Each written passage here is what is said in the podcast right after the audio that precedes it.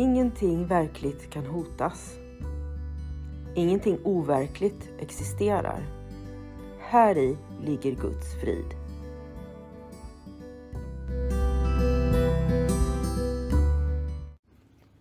Mitt namn är Magdalena Wiklund och den här podden handlar om hur jag fann frid.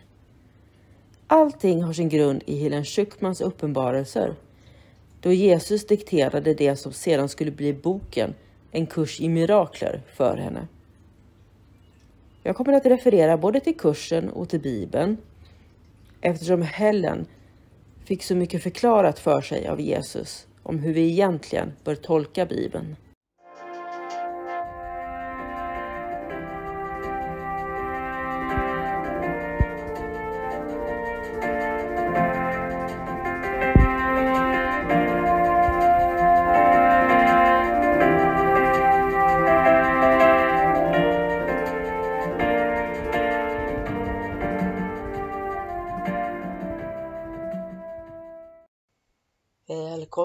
Kurs i mirakler. Vi fortsätter idag, tänkte jag, där vi slutade sist. Vi läste om kroppen, illusionen och egot och kroppen som kommunikationsmedel. Idag fortsätter vi. Vi läser kroppen som mål och medel innan vi tar en liten paus och fortsätter att läsa bortom kroppen.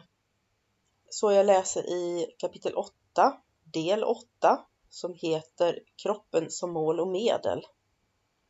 Här får vi en beskrivning av att kroppens hälsa är beroende av egot. Eller man kanske ska säga ohälsa.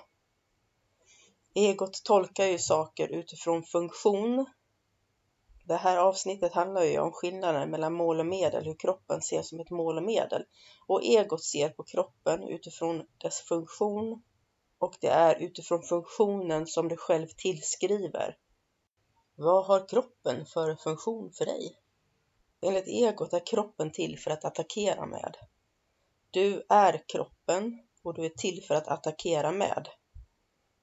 Kroppens tillstånd, om man är frisk eller sjuk, det ligger helt och hållet i tolkningen av funktioner. Det, det, är precis som att det är två röster som kämpar mot varandra. Där egot å ena sidan och helig ande å den andra sidan.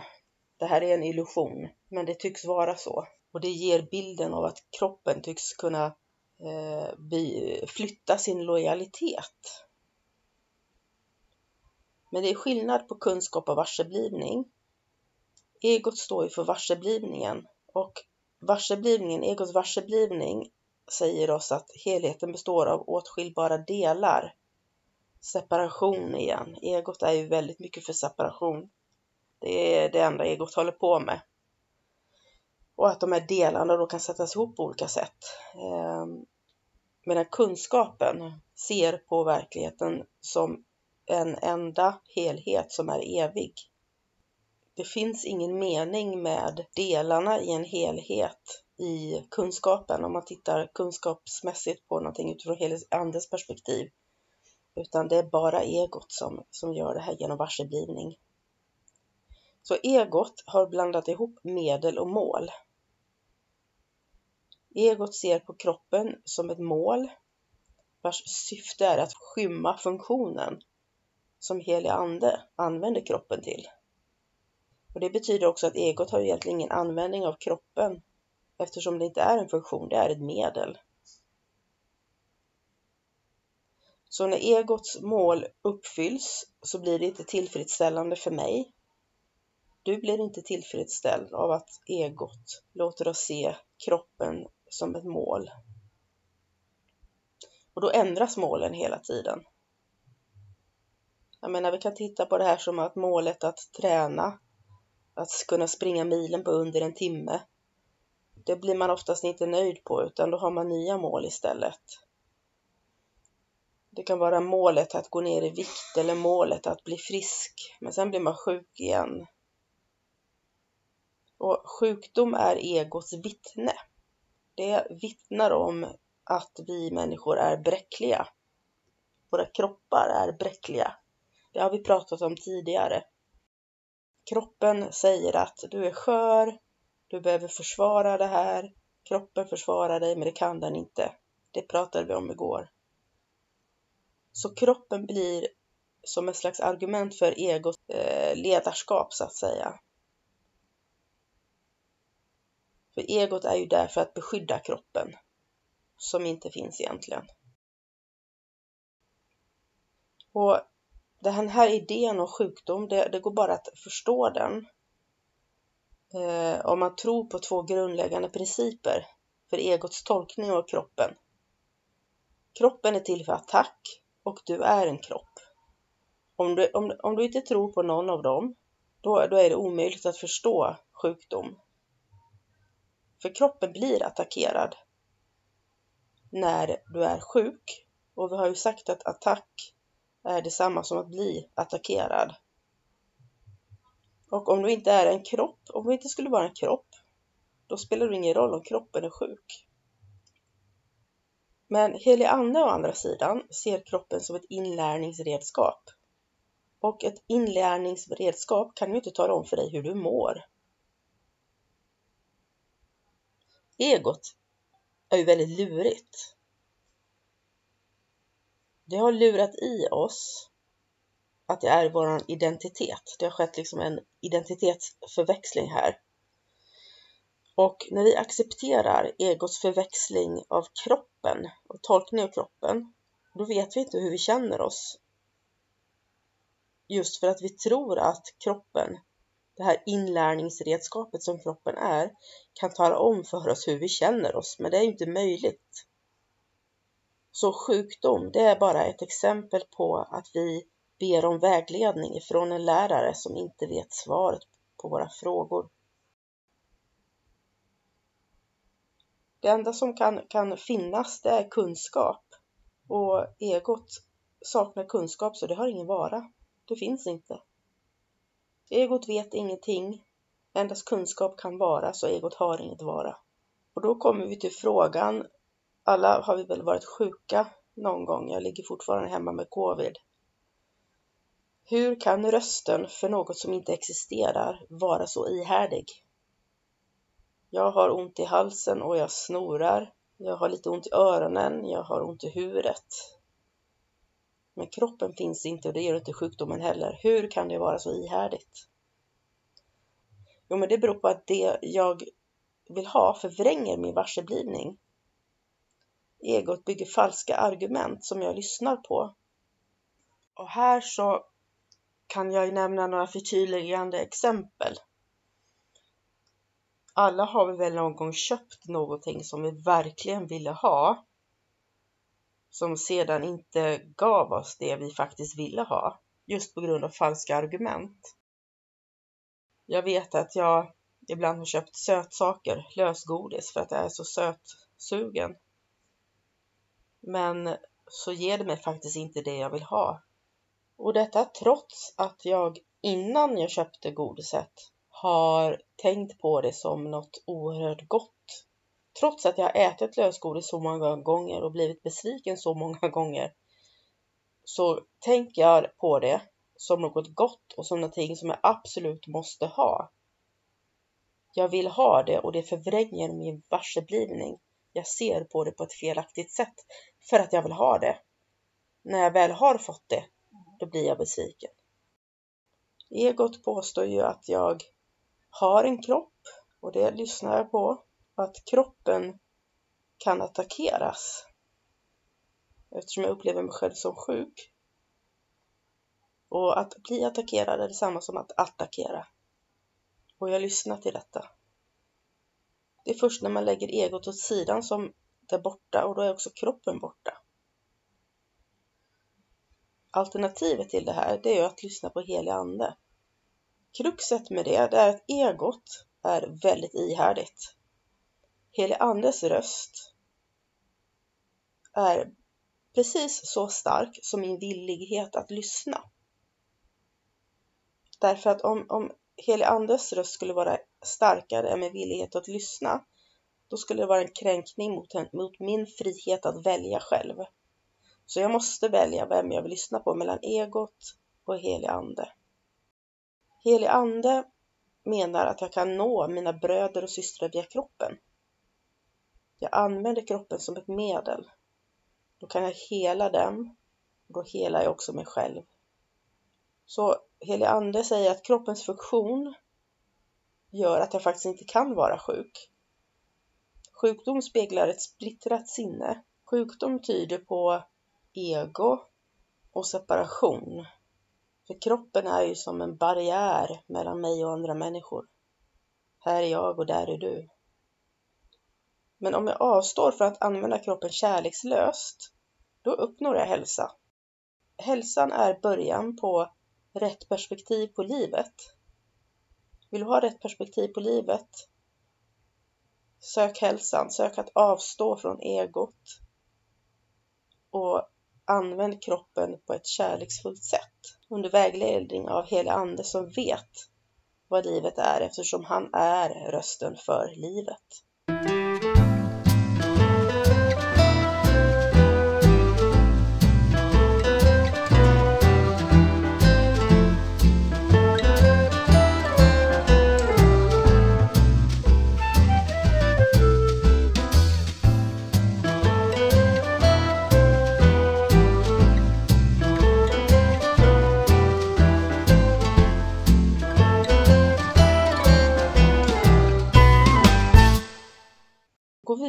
Till kapitel 18 som heter Drömmens slut och tittar på del 6, Bortom kroppen.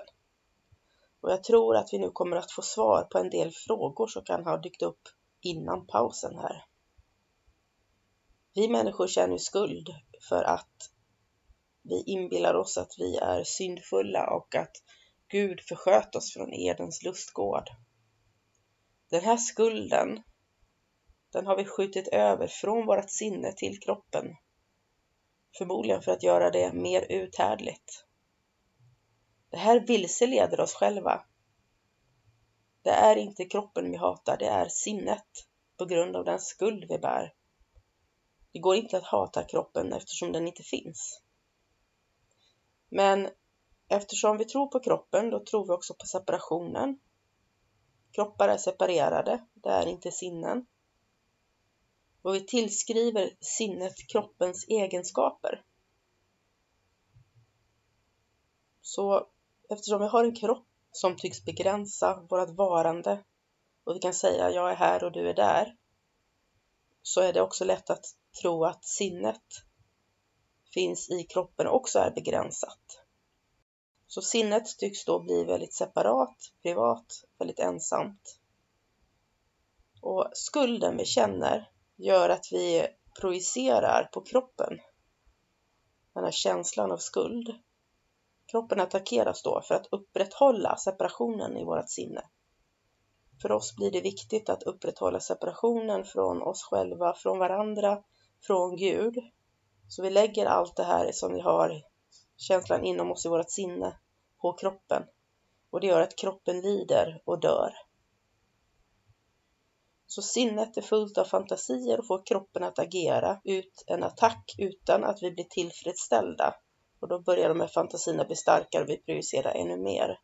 Men det är omöjligt, det här är ju en illusion. Det är omöjligt att agera ut fantasier via kroppen därför att vi vill ha fantasierna.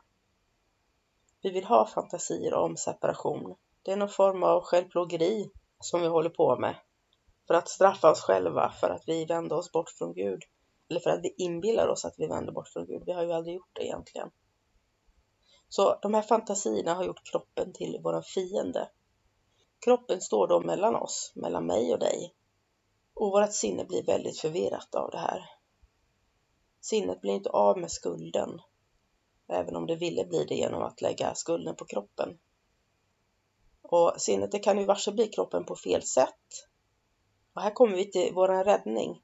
Sinnet kan varse bli kroppen på fel sätt, men det kan inte ändra funktionen. Kroppen är gjord utan kärlek för att upprätthålla separationen. Men kärleken den dömer inte. Helig ande kan använda kroppen kärleksfullt och kan respektera det som vi har gjort. Vi gör, Gud skapar. Vi har gjort en kropp och helig ande kan använda den för att rädda oss från illusionen. Det pratade vi om också i förra avsnittet igår. Att kroppen är till för att rädda oss från illusionen. Så våra sinnen hör ihop, men det kan vi inte se eftersom vi är isolerade i kroppen, som i ett fängelse, som vi vill fly ifrån. Men vi vill lämna det här fängelset och skada det innan vi lämnar det. Det är som att sitta fängelse år efter år och när man väl lämnar det så vill man bara låta en bomb spränga hela fängelset i luften. Det är så vi känner om kroppen. Men det här går inte. Det enda sättet att fly ifrån kroppen, det är att lämna den som den är. Som den illusion den är. För kroppen är en illusion och det går inte att skada en illusion. Och jag tänker också att om du lämnar kroppen utan att ens försöka skada den, då har du verkligen insett vad den är, att den är en illusion. Försöker du skada kroppen på något sätt med motattacker och sjukdom och så vidare, då har du inte riktigt förstått att det är en illusion. Kroppen finns inte. Och eftersom kroppen inte finns så finns det ingenting utanför den heller. Tänk dig när du var riktigt förälskad någon gång. Om du har varit förälskad eller om du har fått ditt nyfödda barn i famnen eller kanske haft eh, ett husdjur som du älskat över allt annat. Tänk den där känslan när man kramas och allting runt omkring en bara försvinner. Man blir bara ett, ett med varann och kropparna upplevs smälta samman. Ingenting annat i världen spelar någon roll, inget annat finns, det är bara du och jag. Det här är att lägga undan kroppen. Vi blir befriade från kroppsliga begränsningar som påminner om någonting som kallas för det heliga ögonblicket. Och det här är himlen. Himlen är inte ett plats, det är inte ett tillstånd, det är bara en medvetenhet och fullkomlig etthet. Vi är ett med varann. Och på det här sättet så blir du också medveten om himlen, om din identitet. För Gud ger dig kunskapen om dig själv. Och här har du hittat din tillflyktsort dit du kan gå för att vara dig själv i frid.